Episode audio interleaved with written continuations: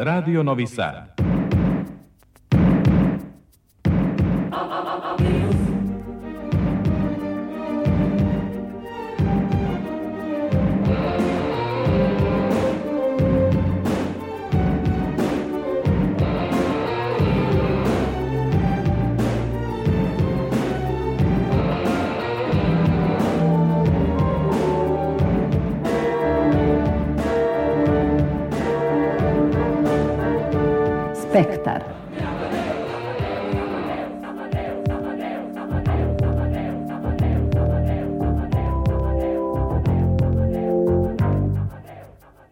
cantar.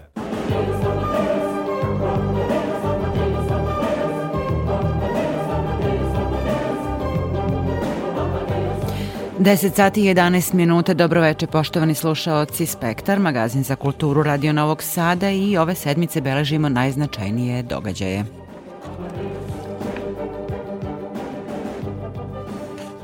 U Pančevu otvoreno 20. bijenale umetnosti narednih mesec dana, 30 umetnika na centralnoj izložbi pod sloganom Rafinerija manastir. Drugog dana terenog pozorja 67. po redu u takmičarskom programu predstava kod Večite slavine Srpskog narodnog pozorišta i prva predstava u selekciji Krugovi usidrene koprodukcija iz Hrvatske.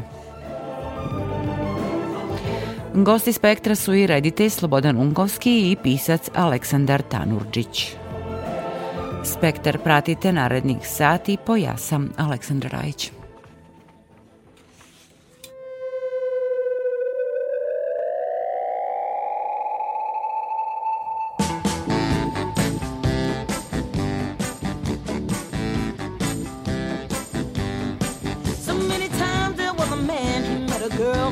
hand.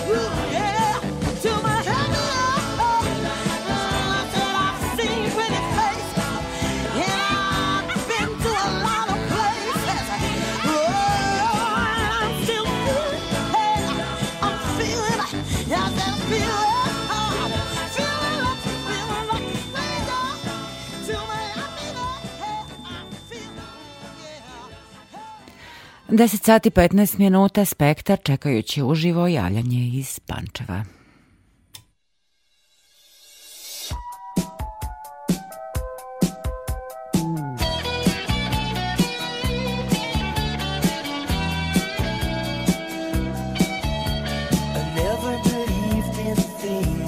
I couldn't see, I said if I can't feel it, then how could I?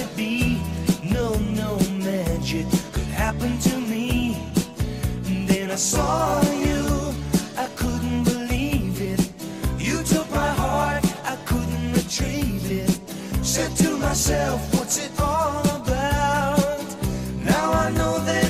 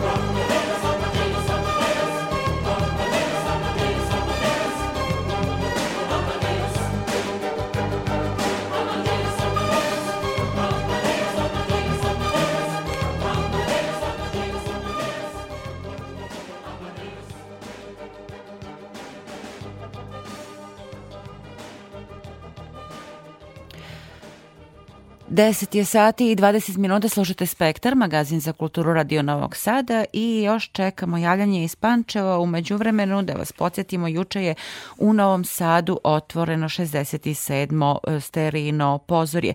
Besedom akademika Miodraga Tabačkog, petostrukog dobitnika sterine nagrade, četiri za scenografiju i nagrade za naročite zasluge na unapređenju pozorišne umetnosti i kulture, u Novom Sadu je sinoć otvoreno 67. pozorje. U glavnom programu programu je 14 predstava po izboru selektora Milivoja Mlađenovića, 9 u selekciji nacionalne drame, 3 u međunarodnoj selekciji krugove i dve van konkurencije. Na otvaranju je premijerno izvedena i to van konkurencije predstava Mileva u koprodukciji Sterijnog pozorja, Narodnog pozorišta u Somboru i Fondacije Novi Sad Evropska prestonica kulture. Svoje viđenje života Mileve Marić Einstein dalo je pet dramskih spisateljica. Milena Bogavac, Olga Dimitrijević, Tijana Grumić, Vedrana Božinović i Vedrana Klepica. Dramaturškinja Jelena Kovačić uobličila njihove tekstove u jednu celinu. Nije bilo lako, moram reći. E, mislim da je napraviti ovu adaptaciju jedan od najvećih izazova koje sam u zadnjih par godina radila, a možda i šire, mislim zajedno s Anicom naravno, zato što je stvarno riječ o pet potpuno različitih tekstova, pet potpuno različitih poetika i autorica koje nisu međusobno, mislim naprosto nije vjerojatno tako bio zamišljen projekt, one nisu međusobno komunicirale, tako da mislim niko nije znao ko šta piše od, između njih petero, tako da kad smo mi dobile te materijale, jedan veliki, ovaj, kako bi rekla, mislim u najboljem smislu te riječi upitnik se pojavio, ono kako sad od toga bila, bila nam je neka ideja da zaista napravimo, bilo nam je važno da napravimo jedan cjeloviti narativ, znači da ne radimo pet različitih komada, jer tu su se negdje, naravno da su se neke informacije i ponavljale, eh, neke stvari naprosto pišući ili razmišljajući o Milevi ne možeš zaobići.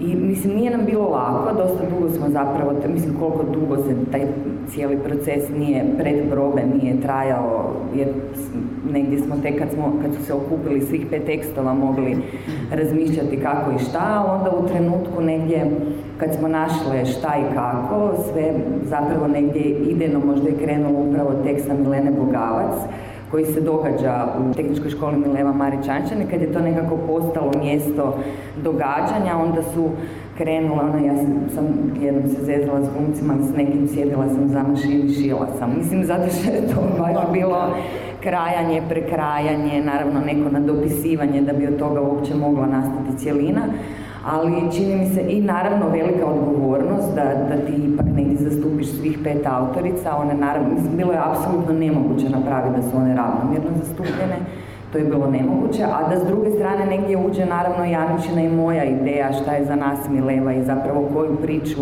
o Milevi mi želimo ispričati, tako da, evo ga, to kako kaže Olga Dimitrijević, multiverzum različitih Mileva gleda nas u lice i tako negdje mislim da i ta adaptacija postoji kao neko tkanje različitih tekstova koji isto i među sobom ulaze u neki dijalog. Nama je Ljubica bila neki upravo povezujući moment i negdje ta cijela priča o Ljubici je negdje, ajmo tako reći, ta neka šesta naša priča koja ide kroz Mečavu i koja se negdje na kraju pojavljuje gdje mi negdje spajamo Milevu, Ljubicu i Minju, odnosno Minjin tekst, taj lik nema ime pa smo ga mi nazvali Minja, u nekoj metafizici u kojoj je sve moguće pa i to da je da je Ljubica ostala živa. Da. Tako da u, u tom smislu je recimo ta cijela priča o Ljubici je nešto što smo Anica i ja unijele unutra kao neko naše očište koje smo htjele da spoji zapravo cijeli, cijeli komad u jedan narativ. U predstavi se prepliću dakle različiti pogledi na Milevin život kao devojčice, žene, supruge majke i naučnice kao ishvatanje njenog doprinosa nauci i Albertovom uspehu. U tome se i ogleda njeno bogatstvo, objašnjava jedna od ramskih spisateljica Vedrana Klepica. Ja sam neke autorke e, poznavala osobno, prije nego što sam počela raditi, neke, za neke sam samo znala, normalno sve sam poštivala i bilo mi jako drago biti u tom društvu.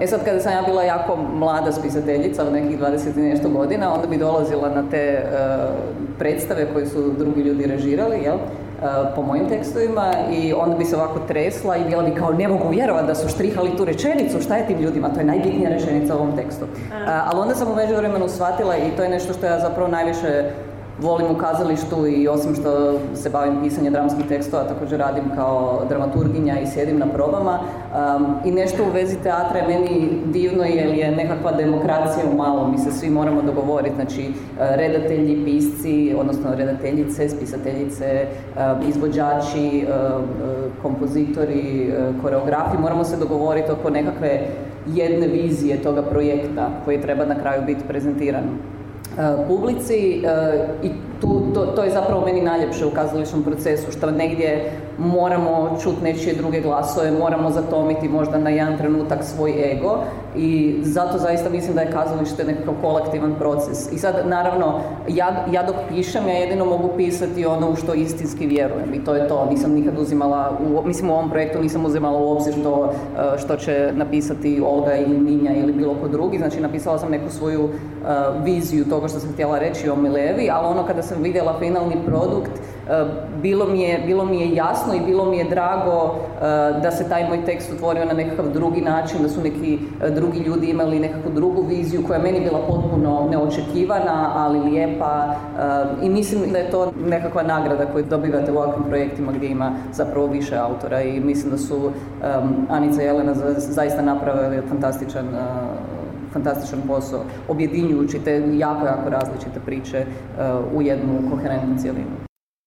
Raznolikost tekstova i poetika uslovila je i poigravanje sa stilovima režije. Rediteljka Anica Tomić ponudila je inventivne rešenja oživljavajući Milenu na sceni.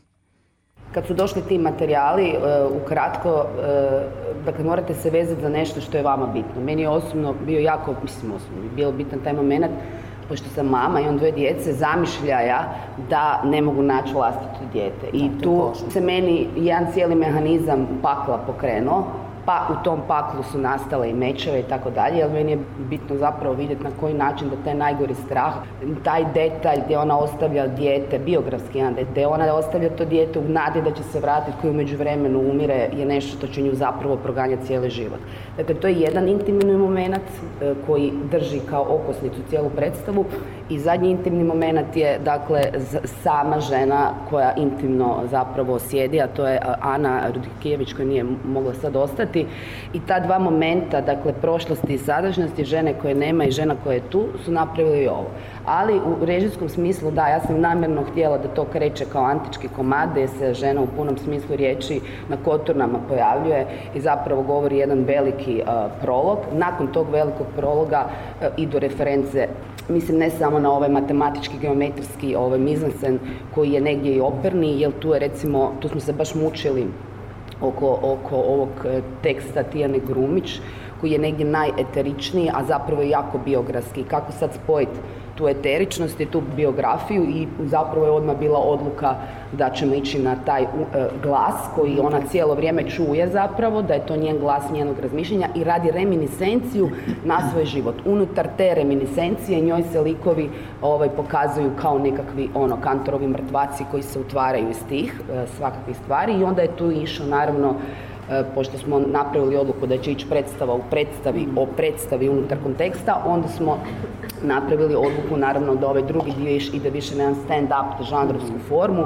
koja koketira s jedne strane sa stand-upom, a s druge strane sa nekakvom raspravom, dramskim, naučnim panelom ili kako smo već to skupa nazvali, gdje se zapravo radi komentar cijelog jednog stila, ne samo E, umjetničkog stila i režijskog, nego recimo i ono čemu mi danas prisustvujemo, mi moramo znati zapravo da to, kako smo mi taj panel napravili, to kad vi gledate te rasprave prave i kad gledate zbog čega se ljudi svađaju i zbog čega su u stanju iskopati međusobno jedna u drugima oči, to je puno zapravo manji detalj nego jedna ova ono valerijevska teza e, e, ideje zapravo koje imaš jednu ženu oko koje se stvarno doslovce koplja lome. Da li je naša, da li je njihova, da li je zaslužila, nije li zaslužila i ona zapravo postoje ono krležijansko topovsko meso gdje onda apsolutno se svi mogu i pobidani. I onda idemo tom, prema tom velikom finalu koje opet zatvara u tom nekom postmodernom smislu, intimizira situaciju na jednu osobu, na odnos jedne osobe a, prema cijelom jednom kolektivu.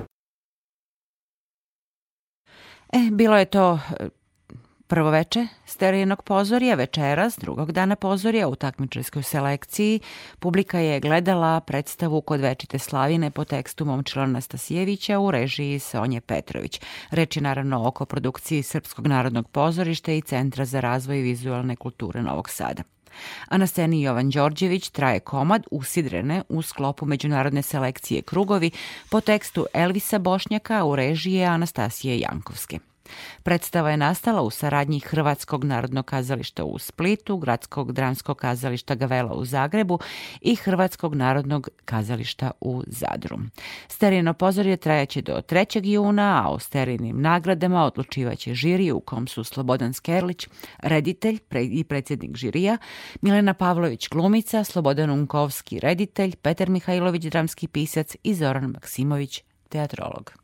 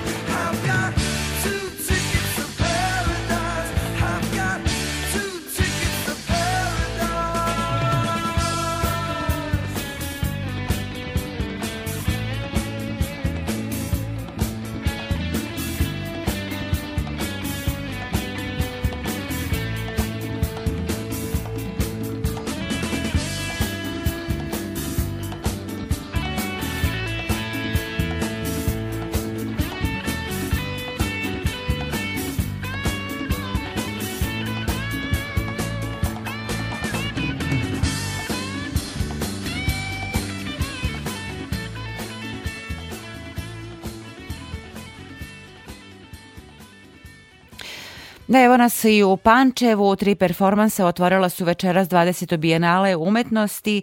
E, e, na centralnoj izložbi biće predstavljeno nekih 30 umetnika i umetničkih asocijacija iz Srbije i sveta po izboru kustoskinje Maje Ćirić koje želimo dobroveče. Dobroveče, dobroveče, hvala E, vam. tri performansa, boga mi potrala, potrajalo je to prvo na početku da vas pitam e, je li prošlo, je li otvaranje prošlo kako je planirano i naravno ko su vam gosti. Jeste, naravno, hvala vam na tom interesovanju, ovo je ipak jedan jubilej, bilo je dosta publike i to mi je milo da vidim. Na prvom performansu su, smo recimo duo umetnica iz Danske Hesselholt i Mailwang su u Svetovskoj dvorani nekadašnjoj pravile performans koji se zvao Potencijalna energija. One su koristile i koks koji su uzele iz NIS rafinerije i to je jedna vrsta rituala kojim su oni pokušali da povežu e, taj koks sa svodom Svetosavske dvorane na neki pozitivan i bolji način e, jer svi znamo koliko rafinerija nekad može da i ugrožava život stanovnika e, Pančeva. E, Drugi performans izvela je Muna Musi koja je iz Eritreje. Ja sam nju uvrstila zato što sam znala da se pre 100 godina u Pančevu na- nalazila jedna kafana koja se zvala kod Abisinca iz koje su se ljudi, e, Abisinija je nekad bila teritorija, e, tako se zvale Etiopije i Eritreja, i da su se ljudi zapravo tada dopisivali razglednicama sa carem Haile, sa razglednicama na kojima su bile fotografije cara Haila Selasija. Da, da. I onda sam smatrala da je to jedan odnos ljudi u Pančevu prema nebelaštvu, e, specifičan danas u doba rasizma koji je dominantan u zapadnom svetu i želela sam to nekako da istaknem i onda sam e, i nju uvrstila i njen performans je o e, kongresima i borbama ljudi za bolju budućnost koji su nešto kasnije izbegli iz Eritreje u Bolonju, u Italiju, tamo je velika zajednica ljudi iz Eritreje. I treći performans je onako tehnofuturistički i njega je izvela e, Katinka Malarmea, ona je rumunka koja živi u Londonu sa jednim e, neonskim bičem i sa puno ekrana. E, ona je jednostavno e, suživot tehnologije čoveka reinterpretirala u jednom dinamičnom i vrlo vizualno atraktivnom performansu. Mi smo već danas imale priliku da najavimo u našem informativnom programu ovo vaše bijenale i konstatovala sam nekako da je e, taj slogan, taj moto pod kojim se odvija i naslov bijenala, naravno rafinerija manastir, jedna, je jedna reč zapravo, kovanica, k- e, da je, čini mi se da na trenutak da je čine dva zatvorena kruga bez na izgled dodirnih tačaka, ali dva važna toponima, evo čuli smo i prema ovim performansima u, u Pančevu. E sad mene zanima, dakle, kako, kako ste vi to videli iz vašeg Google-a, u čemu je kustoski izazov, e, kako sad e, umetnost danas prevazilazi te, pa ja bih rekla neke sisteme industrijske, ekonomske, kulturološke iz nekog 19. veka, je tako? Da, pa e, ona nekako oplemenjuje stvarnost umetnost, zar ne, u svakom smislu. Čak i kada je ta stvarnost surova i kada s jedne strane mi imamo hiperkapitalizam, borbu za resursima ili sa druge strane imamo i iskušenja koji manastirski život u izolaciji nosi sa sobom, a koja nama nije strana zato što je bila dominantna i za vreme e, e, krize e, pandemijske, jer su ljudi jednostavno bili takođe u izolaciji koja je svojstvena manastiru. I onda sam smatrala da umetnost može možda da nam da neki drugačiji ugao e, gledanja na sve te e, obrazce koji nam se nude i da možda onako bude u nekom trenutku igriva, jer se jedan deo bavi abstrakcijama koje su pozitivne. Na početku tog jednog dela je rad koji se zove Izlazak iz ambisa, a opet drugi jedan deo cele postavke bavi se realizmom, e, vrlo surovim realizmom. Na početku tog rada je e, rad koji se bavi ugljem i zatočeništvom. E, tako da e, ja sam htela da pokažem različita preklapanja koje se koje su moguće i koja je ova paradigma dvostruka. Ljudi se zbune kad kažem rafinerija manastir kao, je, kao jedna kovanica. Znači to nije ni rafinerija ni manastir, nego nešto, nešto sublimacija, ajde tako da kažem, nadogradnja ili uh, prosto jer nisam smela ni da koristim ni krst e, kao simbol, ni, ni cevovod, zato što su to mnogo jaki simboli. I onda sam želela... stvari A da umetnici? se- A umetnici? Umetnici nisu direktno, znate, Mhm. ne možete, da ne bi bila umetnost banalna, ne Da. možemo da konkureni, konkurišemo prosto tako jakim simbolima. Ali oni su odatle krenuli i onda su u derivati u njihovim braksama bili najrazličitiji. Mhm. Na primjer, jedan rad je konceptualan i to je silikonska kičma koja podsjeća i na cevovod. Kad gledate kičmu, ona ima elemente neke cevovoda, naftnog, ali u tom radu Igor Simić, umetnik naš, kaže e, nemoj, nemojte da budete beskičmenjaci, nabavite sebi dobru silikonsku kičmu, na primjer. I onda je ona formalno atraktivna, ali isto i konceptualno e, ljudima ukazuje na to da treba da budu e, stabilne individue sa integritetom. Da, a s druge strane zavodljiva je ta uh, sprega između nauke i umetnosti. Ja pretpostavljam da je, ima takvih stvari i na izložbi, je li tako? Meni je jako žao što nismo imali prilike ovaj, danas da odemo, ali traje mesec dana pa verujem da ćemo otići. Da, dobro se organizuju te od 17 do 21 je otvor, e, su otvoreni prostori u tom smislu, pošto Pančevo ima specifičnu dinamiku, treba se pripremiti i raspitati o tome koje su satnice ako već dolazite iz daleka, ali u pravu ste i hvala vam što ste me podsjetili, umetničko istraživanje je jedan segment e, dodatni, E, tu su radovi koji se bave kreativnim kodiranjem ili veštačkom inteligencijom ili čak umetničkim istraživanjima koji istražuju e, komunistički voz kulture koji je išao po staroj Jugoslaviji i nosio filmove sa sobom i knjige i distribuirao ih je u najzabašenija sela u Srbiji, odnosno na teritoriji stare Jugoslavije pa i u Srbiji. Tako da je širok spektar mogućnosti koje ćete širok spektar izlaza koji se iz ove izložbe e, račvaju. E sad samo za kraj još jedno pitanje, imate mnogo međunarodnog iskustva naravno u kustosiranju vi lično, a vidim da ste na ovoj izložbi onako kako bih rekla izmešali karte, tu su dakle i stranci i domaći umetnici i oni naši umetnici koji već godinama koji su se afirmisali zapravo u inostranstvo. E sad kakav je to krug ljudi i e, da li je to eventualno neki okvir za možda sagledavanje nekih ključnih problema u umetničkoj produkciji s obzirom na to da evo imate i umetnike iz Afrike, iz Evrope i Srbije. I koliko je zapravo to jedno od pitanja koje ćete evo recimo i postaviti ili koji će se možda iz nekog drugog plana nametnuti ovaj na... Ne, ne, to- meni je bilo, ja, ako pratite moju karijeru, uvek mi je jako važno da radim s umetnicima pre nego što budu u potpunoj komercijalizaciji ili Da. baš budu neki mno, mislim, mnogi od ovih umetnika imaju već ogromna dostignuća, ali jednostavno e, nisu dostigli svoj vrhunac. Mislim da e, je to i dobro ulaganje za Pančevo, e, da kažem, i, i volim da uložim to mi je kao u košarci recimo. E, zanimljivo je kada prepoznate Nikolu Jokića na vreme i shvatite da postoji nek talenat kod nekog i onda dve, tri godine kasnije kažete pa evo, bio je u Pančevu i znali smo i dali smo mu šansu da ima dobre fotografije za svoj budući portfolio. Ja tako radim, e, kao neki, neka osoba koja traži talente iz različitih generacija, pružim im ovaj kontekst koji je meni institucija koja je u ovom trenutku Pančevačko bijenale dao kao infrastrukturalni koncept e, kontekst i e, da im, dam im šansu da imaju dobre fotografije za svoj portfolio sutra, da mogu da idu dalje, da Pančevo bude jedna bitna stavka u njihovoj karijeri. Mako je na vašem poslu, u ostalom, e, jako je e, bitno i važno i bar i meni značajno taj trenutak moći, ako se to uopšte tako može nazvati, iskoristiti upravo da se skrene, recimo, pažnja javnosti, jel da, na takve neke stvari.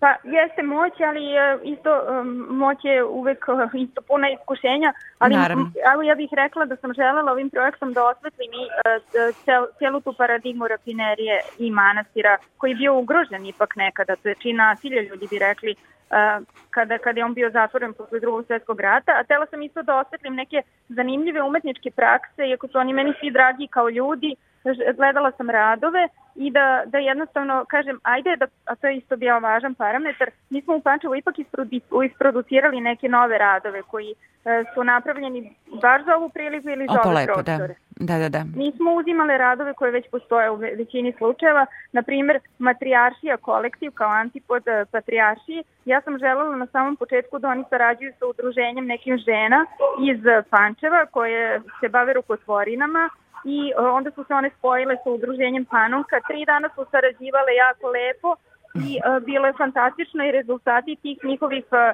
istraživanja su bili reprodukovani mnogo kasnije, e, odnosno u samom e, izložbenom prostoru, a one su uspostavile veze koje će biti trajne. Ja vam se zahvaljujem na ovom razgovoru i ostavljam vas sa vašim gostima. Uživajte u gužvi večeras u Hvala Pančevu. vam, izvinjavam se ako je buka, ali e, nije do mene. Tako da, e, hvala vam na interesovanju i e, drago mi da volite umetnost.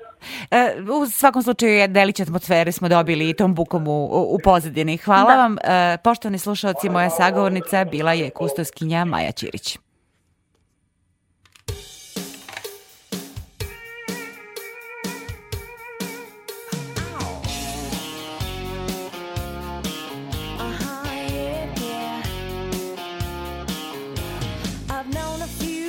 Who thought they were pretty smart, but you've got being right down to an art.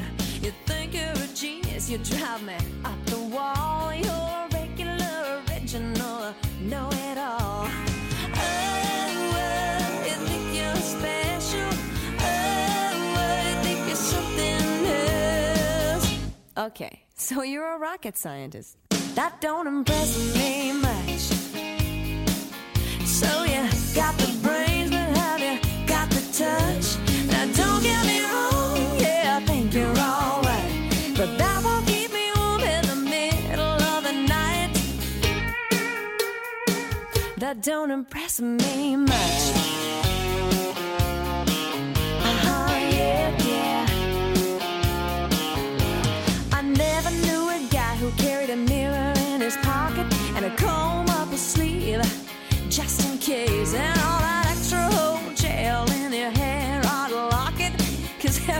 it should fall out of place. Oh, oh you think you're special? Oh, oh, you think something else? Okay, so you're Brad Pitt. That don't impress me much. So you got the looks, but have you got the touch?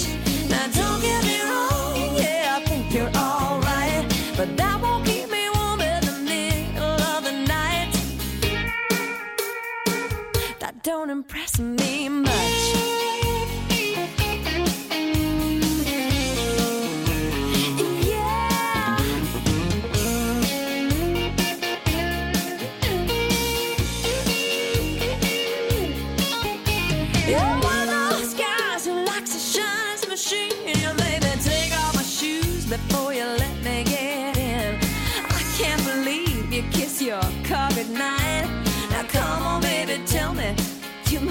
choking, right? Oh,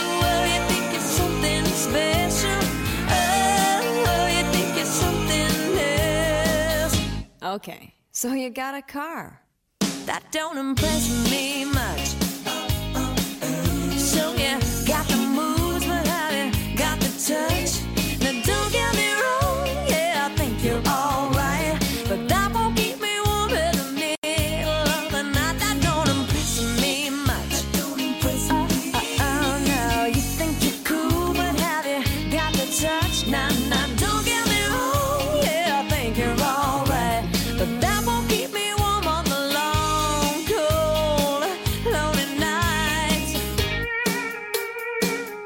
don't impress me much. Uh huh, yeah, yeah. Okay, so what do you think? You're Elvis or something? Whatever.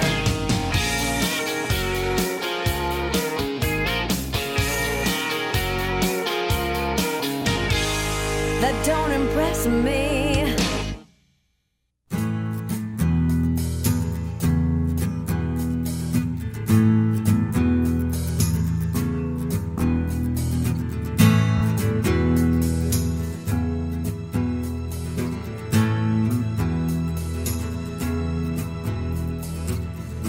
gypsy wind is blowing warm tonight. The sky is starlit and the time is right. And still you're telling me you have to go. Before you leave, there's something you should know. Yeah, something you should know, babe. I've seen you smiling in the summer sun they're flying when you run. I've made my mind up that it's meant to be.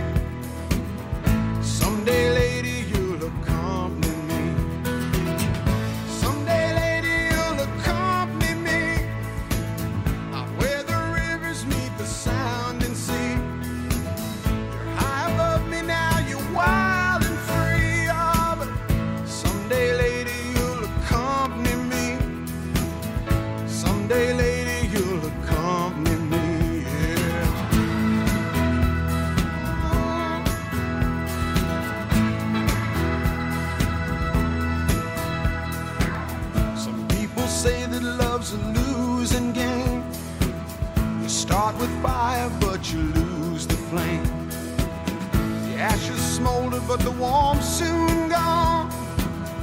You end up cold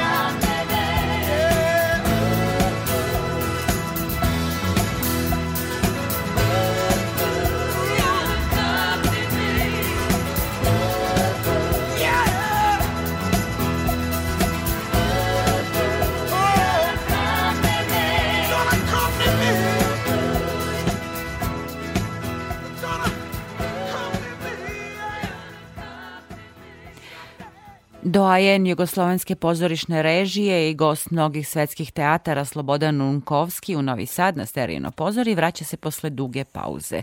Petostruki dobitnik Sterijine nagrade ove godine deo je žirija koji će odlučivati o tim istim nagradama. U oči 67. festivala sa njim je razgovarala Tatjana Novčić-Matijević. Gospodin Unkovski, dobrodošli ponovo u Novi Sad. Nekako ovde kao da se osjećate kod svoje kuće, pogotovo kada je reč o festivalu Sterino pozorje. Jel imate takvo osjećanje?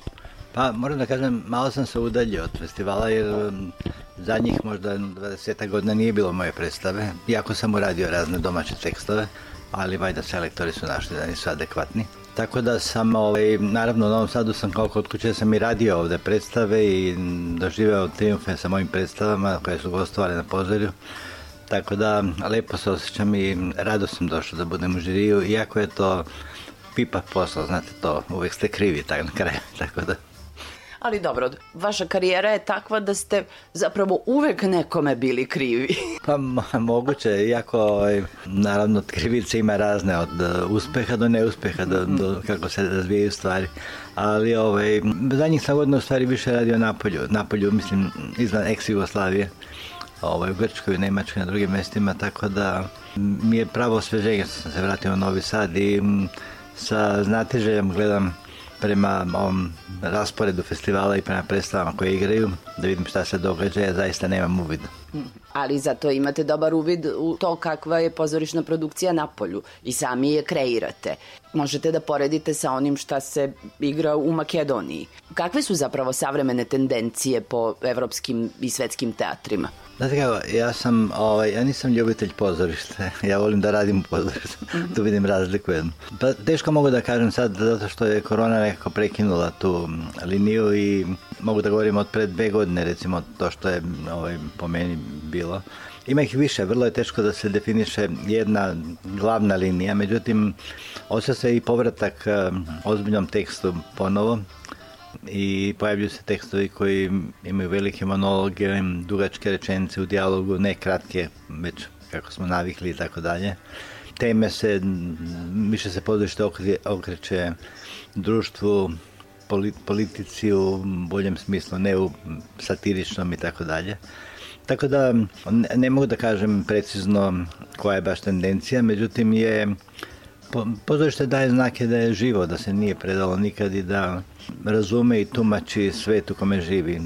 Juče sam ovdje imao neko predavanje gde sam rekao da je umetnost uopšte prevodilac bolesti društva na neki način i mislim da se to događa sa teatrom, on pronalazi, locira, ovaj, obrazlaže, daje ideje ponekad za rešavanje, ne uvek ne može, ali je artikuliše recimo razmišljanja publike. Sada kada vi to govorite, kad vratim film, odnosno vašu karijeru, pa vi ste uvek takve predstave radili. uvek su one bile taj odgovor na onu svakidašnjicu i ono, i ono društvo i onaj mehanizam u kojem i pozorište funkcioniše i u kojem publika živi. Pa sigurno da, ali uh, imao sam i sasvim drugačije predstave koje ovde, se, ovde nisu dovoljno poznate, recimo koje se temelje na na nekim drugim principima, nekim drugim zahtevima, ali sam uvek sa radošću ovaj, dodirivao pitanje pojedinca, politike, društva i tako dalje i pokušao da dadim neke odgovore još od, um, ne znam, od Hrvatskog Fausta, recimo 83. godine pa na ovamo. Ovaj, ali je nije, nije recimo politika bila glavni interes, nego je bio više recimo je- jedinka čovek koji se snalazi u tom političkom svetu, u svetu uopšte u društvu u kojem živi. Tako ali da- koji ta politika kreira, jel? koja, koja dominantno kreira, Da. recimo. Tako da je kultura i umetnost e, koliko se temelji na trendovima koji su svetski, toliko se temelji na domaćem finansiranju i, i nefinansiranju. Tako da neke stvari će se pojaviti, neke koje možda su bolje neće se pojaviti. Ovaj, što je i u drugim sistemima, nije nešto posebna specifika ovde, ali je kako da vam kažem, mor, moraju da se progovore teme koje su škakljive i koje su bitne za građanina. Samo ponekad je teško da se prepoznaju te teme zato što se toliko izmešalo sve u tom životu. I pozicija, opozicija, kultura, antikultura i tako dalje, da kič, tako da je vrlo teško da se definiše šta je danas kultura i šta je to recimo što je bitno za umetnost, šta je to što defin, definiše ili određuje umetnost eh, kako, smo- kako smo je znali ranije. I šta je umetnost naspram svega onoga što je antiumetnost, je li? Pa praktično antiumetnost pokušava da se promovira kao umetnost zato što ima više para, više sredstava ima, agresivnija je, bezobzirnija je, nema stida odavno, izgubila stid, tako da reality show i slične, sad da ih ne naved- navodim sve, one su preuzele ovaj, publiku koja je mogla da stasa jednog dana da dođe u pozorište, da prosto Evo, baš e, sinoć smo imali jednu divnu priliku da vidimo da zapravo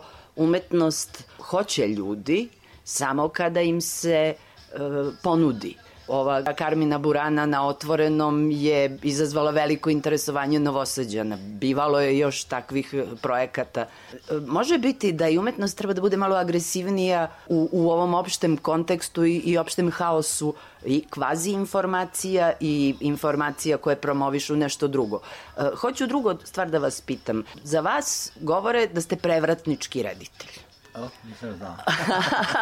Da, da, kažu da, da su, tačno se znaju predstave vaše, vaše režije koje su donele novo u pozorišni život, ali su i uticale na promene u samom teatru u kojem ste postavljali predstave. Naravno, mislim i na Hrvatskog Fausta, i na pozorišne iluzije, i na Bure Baruta i tako dalje i tako dalje. U ostalom, pet sterinih nagrada je ono što je znak samo mali onoga šta ste radili. Imate li osjećaj danas, kad već govorimo o tom kontekstu, da se može biti prevratnička umetnost? Pa ja mislim da je moguće, jer e, i tada kad sam pravio te predstave nisam ih pravio sa namerom da sad nešto, nego sam prosto hteo da ih napravim, pa sam ih napravio najbolje što sam mogao i što su uslovi dozvoljavali u tom trenutku. Znam da su neki reditelji i neka pozorišta kasnije pokušavali da nastave taj talas ili da ponove ili da se ili su bili inspirirani time, ali one su bojim se bile zatvoreni sistem. One su bile kao ostrvo, znači to, to je i nisu, nisu se, uti, uticale su i postale su mera stvari sigurno prema, kao na neki način prema drugim ovaj, novim projektima, prema tome su ih po- poredili, ali ovaj, nije ni namera, ni, kako bih rekao, ni ideja bila da se nešto, ne znam, ut- utiče na, na, na pozorišta. Nikad se nisam time bavio da razmišljam o tome šta će, koju će funkciju ili koja će reperkusija moja predstava izazvati, nego sam ih prosto pravio i pokušavao da pre svega artikulišem sebe i svoje stanje, a onda da i ono što je bitno za tekst i za društvo u tom trenutku. Ali e, ja sada govorim o savremenim, o tekstovima savremenih stvaralaca. E, Istovremeno vi ste zašli i u ono što jeste klasika, što jeste e, literatura iz tradicije i tu me je uvek zanimalo e, šta reditelj nađe, dakle video je N postavki tog teksta, a ipak odluči da neku svoju ideju realizuje iz, iz tog teksta. Znate kako, ja mislim da je režija pre svega pre, pre, pre svega pre, prerada sa glumcem a, čitanje teksta i da je čitanje teksta u stvari možda naj, najznačajnije za reditelje. Iako je podcenjeno danas, bojim se.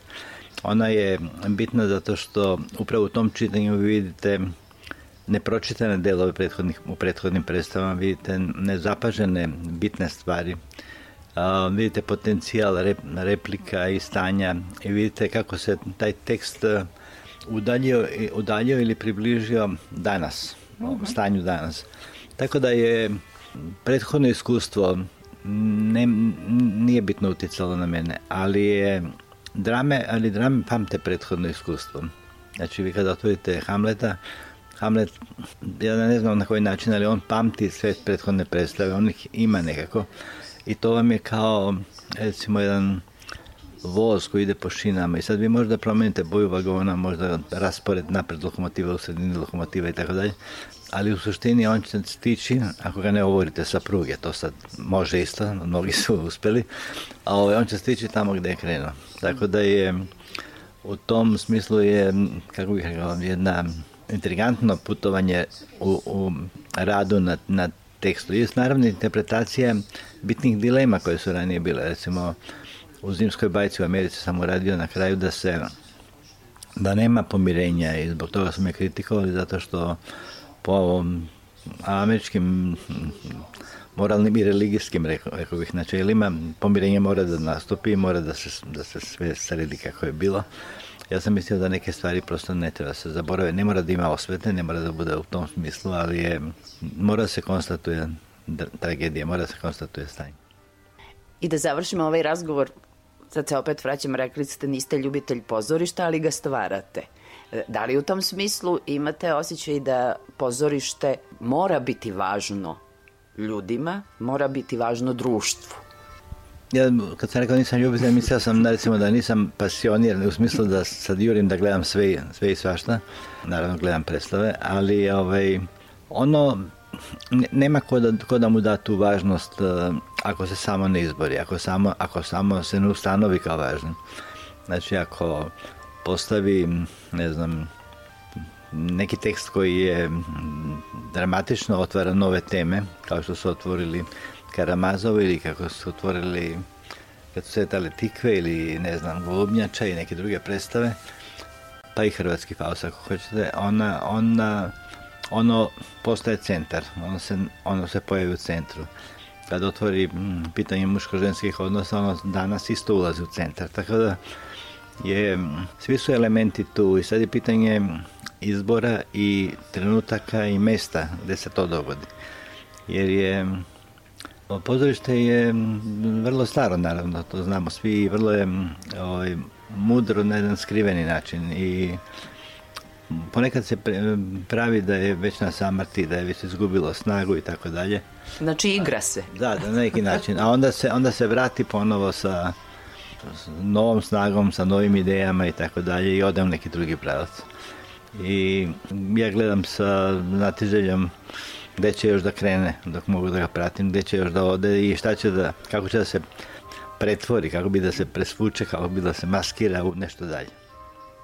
Vama hvala na ovom razgovoru. Ja vam želim da sve ove sate koje provedete gledajući predstave na sterinom pozorju, na kraju nemate utisak da je to bilo loše potrošeno vreme. Pa ne, ja se nadam da ćemo vidjeti, vrlo, vrlo je šaren, šarena programa, razna pozorišta, najveći deo nisam nikad gledao, ta pozorišta. Verujem da će podeliti nagrade kako, je, kako treba, tako da ja, vidjet ćemo ko je bolji, ko je najbolji.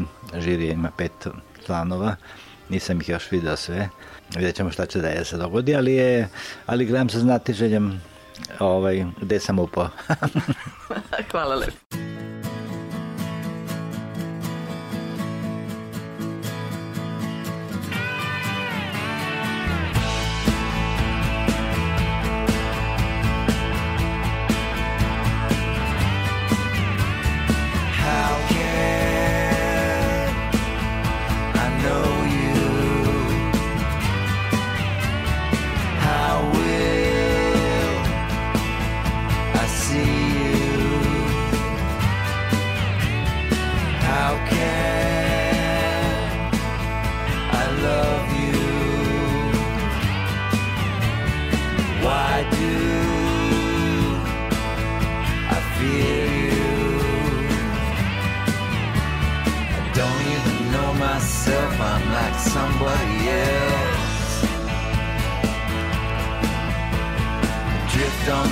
Breeze like an autumn leaf.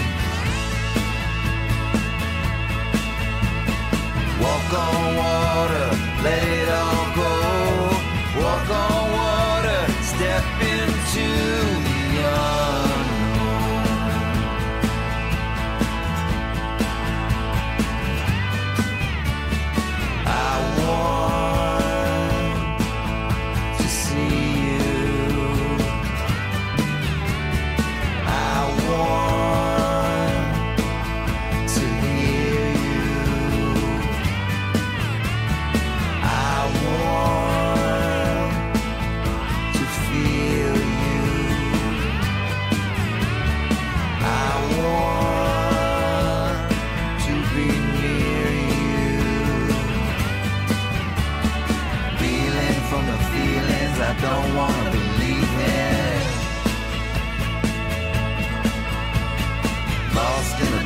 down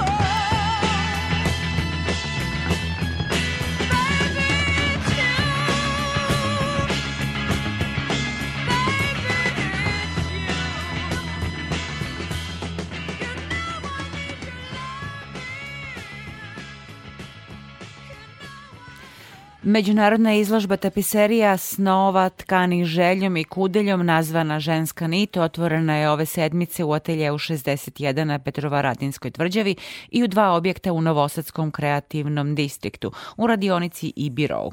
Postavka je deo programskog luka heroina Evropske prestonice kulture, a njen organizator je Zanatska radionica za proizvodnju tapiserija Atelje 61, koji će u buduće svoje mesto imati i u kreativnom distriktu.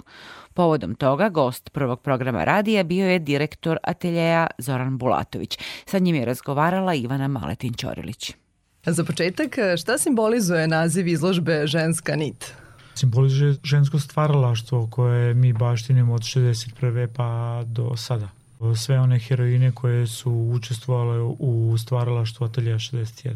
Mnoge umetnice su prošle kroz atelje, samo neka od imena biće zastupljena na izložbi koja je otvorena u ateljevu 61 i u kreativnom distriktu. Kako je izložba koncipirana? Koncipirana je tako da smo mi u saradnji sa Evropskom predstavnicom kulture i lukom heroine izložili dela koje su stvarale umetnice koje su radile u ateljevu 61.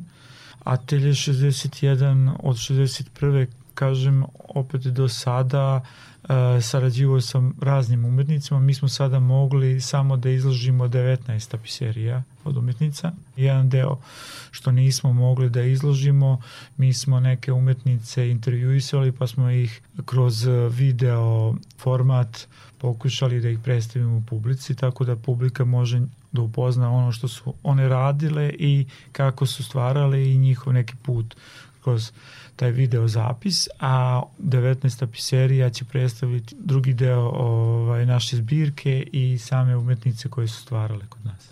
Ili možemo da pomenemo neka od njihovih imena? Neću sad nabrajati sve, samo ću reći da je to Milica Mrđa, Leonora Vekić i razni drugi Atelje 61 uskoro dobija novi prostor u kreativnom distriktu. Kako će on izgledati i čemu će služiti? Da, mi dobijamo ovaj novi prostor, to je sad trenutno pod nazivom radionica u kreativnom distriktu, pa služit će tome da ćemo mi moći sada da bolje komuniciramo sa umetničkom scenom Novog Sada. E, Atelje 61 neće biti samo baziran u tom prostoru na tapiseriji, nego uopšte na sceni Novog Sada i uopšte umetnika koji će dolaziti u Novi Sad da izlažu, a mi ćemo želeti da na što bolji način e, podržimo te umetnike. Kako se Atelje 61 uklapa u taj koncept industrijskog nasleđa? Mislim da će se dobro uklopiti zato što mi sami pored umetničke zbirke koje posjedujemo imamo i radionicu koju za izradu od samog nastajanja za izradu tapiserija, tako da to ima sve smisla da smo u jednoj takvoj radionici, iako je to nešto savremeno koncipirano, ali mi želimo da pratimo savremene umetničke tokove, tako da ćemo i hteti da i moći ćemo i želećemo da uradimo na najbolji način. Da, Telja 61 zaista ima dugu tradiciju i jedinstven je na području Balkana. U čemu se još ogleda njegov značaj? Njegov značaj jeste u tome što nas ljudi e, nehodice mešaju sa starim zanatima. Mi jesmo ustanova i imamo radionicu koja radi nešto na tradicionalan način, ali se mi ne bavimo starim zanatima, nego se bavimo isključivo umetničkom tapiserijom. Znači, kad kažemo umetničkom tapiserijom, to znači da se, kod nas dolaze svi značajniji umetnici sa ovih prostora i iz Evrope, čak i sveta, i oni ostavljaju nama njihove kartone koji su originalni i samo za to pravljeni i mi izrađujemo tu tapiseriju po njihovim kartonima, originalno umetničko delo koje onda kasnije postaje deo uh, umetničke zbirke Atelja 61, ali pored toga mi izrađujemo i za same umetnike ako hoće oni da izlažu negde u inostranstvu, uglavnom kad kažemo inostranstvo to znači da inostrane umetnici dosta dolaze kod nas i onda mi izgrađujemo za njih te tapiserije gde će oni da izlažu njih, to jest njihove umetničke radove. Koliko su umetničke tapiserije zastupljene na današnjoj umetničkoj sceni? Pa jes, sve više, zato što je umetnost samoga tekstila opet se vraća u neki umetnički fokus i na evropskoj sceni je poprilično zastupljena. Sada ima tu raznih umetnika koji eksperimentišu sa, nije to više ona tradicionalna, sada kad kažemo tapiserija, ali mi sada i kad e, izlažemo ne pokušavamo da budemo sad isključivo tradicionalno, nego dajemo mogućnost umetnicima da se izraze na razne načine kroz tekstil koji mi baštinimo i radimo. A koji su najveći izazovi prilikom vođenja ateljeja? Izazov je uvek ostati u toku savremene umetničke scene. Mislim, da vi budete aktuelni i pokušavamo sa tim zato što ćemo dovesti mlade umetnike, sarađivati sa Akademijom umetnosti, sarađivati sa Fakultetom primenjenih umetnosti i dovesti što više publike da oni to vide jer bez publike nema smisla. Mislim da mi radimo ljudi koji će to da vide, da da vrednuju i ono što najbitnije da mi postanemo legat Novog Sada. I jesmo legat i kasnije postanemo muzej tapiserije. Je li mladi studenti pokazuju interesovanje za umetničku tapiseriju? Da, e, pokazuju, mi imamo i projekat koji se zove virtualne niti, tako da u saradnji sa Akademijom umetnosti i sa fakultetom primenjenih umetnosti i pravimo taj neki iskorak gde dajemo mogućnost studentima da na osnovu naših tapiserija koje su o, izložene i urađene kod nas u galeriji, a, dajemo im mogućnost da se izraze u novom mediji, to, to jest kroz digitalni mediji i onda mi te radove izlažemo i postavljamo publici kroz savremeni pristup tapiseriji. Izlagali ste na gotovo svim kontinentima. Koje izložbe biste izdvojili? U poslednje vreme najaktuelnije je bilo prošle godine u Danskoj. Mi smo pokušali da i odemo tamo, ali sama pandemija nam nije dozvolila, tako da smo morali samo da prošaljemo naših 36 tapiserija, inače to je sve Danski kulturni centar finansirao naše tapiserije su bile tamo postavljene zbog pandemije nije niko od nas mogao da se ovaj pojavi tamo zato što nismo mogli da uđemo u Dansku a e, ono što je dobro jeste da je naša ambasadorka otišla umesto nas i otvorila to izložbu. Pandemija se po svemu sudeći bliži kraju. E, Kakvi su vam planovi za budućnost? Najsvežije je sada ovo sa kulturnim distriktom koje ćemo mi sada da, da preuzmemo i da napravimo tu e, neku kvalitetnu priču koja će biti sa umetničkom scenom i, i da uplivom umetnika u samatelje 61 u više upoznavanje i bolji rad, a pored toga jeste da nastavimo naše redovne izlagačke aktivnosti da imamo uh, što bolje izložbe u regionu i po državi Srbiji.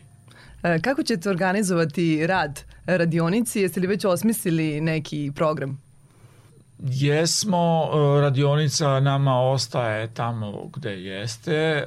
Mi nastavljamo se našim redovnim aktivnostima, to jest imamo jedan deo kartona koji treba da izradimo. Trenutno sada izrađujemo uh, a, tapiserije koje će biti izložene po drugom projektu sa Evropskom predstavnicom kulture, to je tapiserija kroz strip, e, gde su gostovali kod nas značajni umetnici sa ovih prostora koji se bave stripom. Nažalost, tu je trebalo da dođu i umetnici koji su iz Evrope, ali sticam okolnosti, opet zbog pandemije, sam je početak pandemije tada bio i oni nisu mogli da dođu, tako smo mi bazirali samo na, na našu državu i da kažem region. Bilo je jedan umetnik iz Hrvatske i jedan umetnik iz Crne Gore. Hvala najlepše na gostovanju na Radio Novom Sadu i želim vam puno uspeha sa novim projektima. Hvala i vama i pozivam vas sve da dođete kod nas.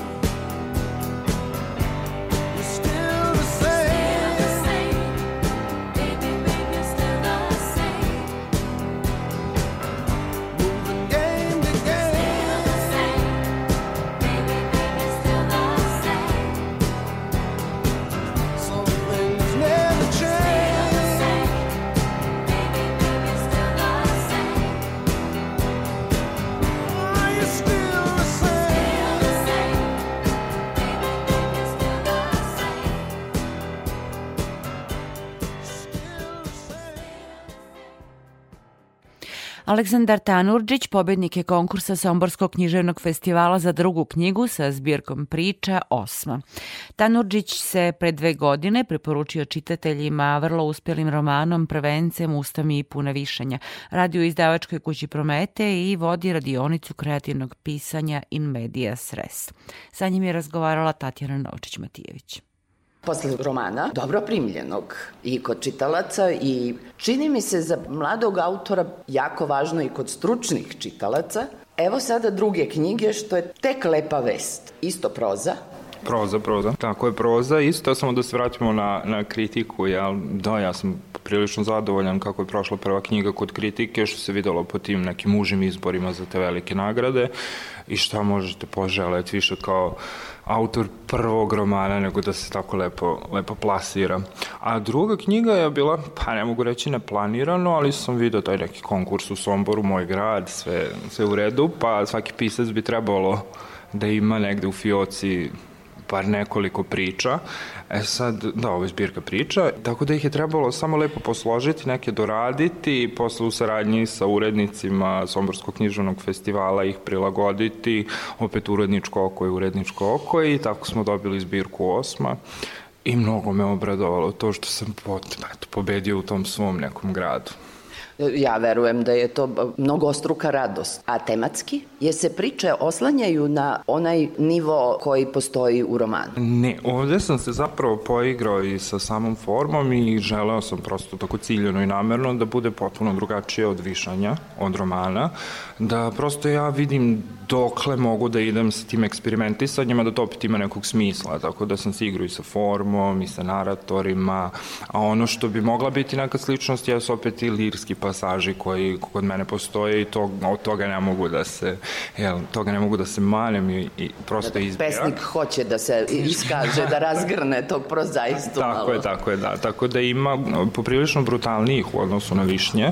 Nisam štedeo jezik, nisam se klonio ničega, tako da u zavisnosti od lika jezik je prilagođen, zavisnosti od fotografije koja je inicijator svake radnje u svakoj priči, koristio sam različite, dija, ovaj, nisu dijalekti, ali žargone, mo- modernog jezika, kada je reč o Instagramu i ostalim stvarima, pošto kao prosto sam obratio pažnje na sve nove sociološke pojave, na recimo jedan osvrt ka feminizmu gde zapravo postoji jedna kontra gde nemamo sam, samohranu majku već oca zapravo sve te neke krajnosti koje bi mogle da se pojave i koje se pojavljuju u, u današnjem društvu Ajde sad onih brojeva, koliko priča je stalo u tu knjigu? Ima li ih još za neku novu ili, ili sad potpuno ka drugim tematskim krugovima se krećete?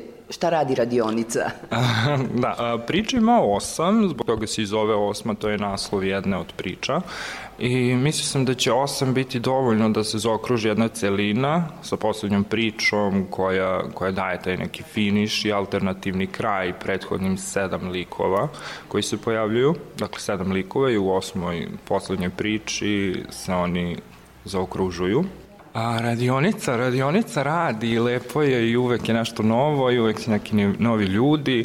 Ovi moji što pohađaju trenutno trude se da objavljuju i uspešno objavljuju po časopisima i ostalim, dobijaju čak i neke nagrade na, na konkursima, što meni znači da su oni zapravo nešto i naučili, jel tako? Da, odmakli su se od one ideje da je književno samo velike reči i, i, i komplikovane rečenice, sad im je poprilično jasno kako se to funkcioniše, pa čak i pribegavaju onim trikovima da prilagode priču datom Mhm. konkursu. Da, da, da, Mhm, super je, super je. A, kao što rekoh, ova zbirka je pa tako neplanirano došla. Ja i dalje radim na svom drugom romanu koji bi trebalo da izađe do kraja ove godine. O, pa baš ste u zamahu stvaralačkom. Pa kako ne, kad ću? Sa, sad Ne, ne, to je odlično, Da, to je da, odlično. To su sve dobre vesti, zato što mi stalno slušamo, mladi autori nemaju prostor, nisu im otvoreni kanali za komunikaciju sa čitaocima. A zapravo, sedite, pišite, radite, objavljujte, doći će do čitaoca. Doći će sve, naravno. Evo, ja sam primjer od toga da, mislim, kao, nije, nije toliko jednostavno koliko, koliko neko može mis, da zamisli, ali u principu nije ni toliko strašno. Jednom kad se ostvare kontakt, ti neki kontakti, kad se otvore neka vrata, vaše je samo da pišete i da budete dovoljno dobri, pa i bolji od onog prethodnog što ste uradili i sve će se samo desiti.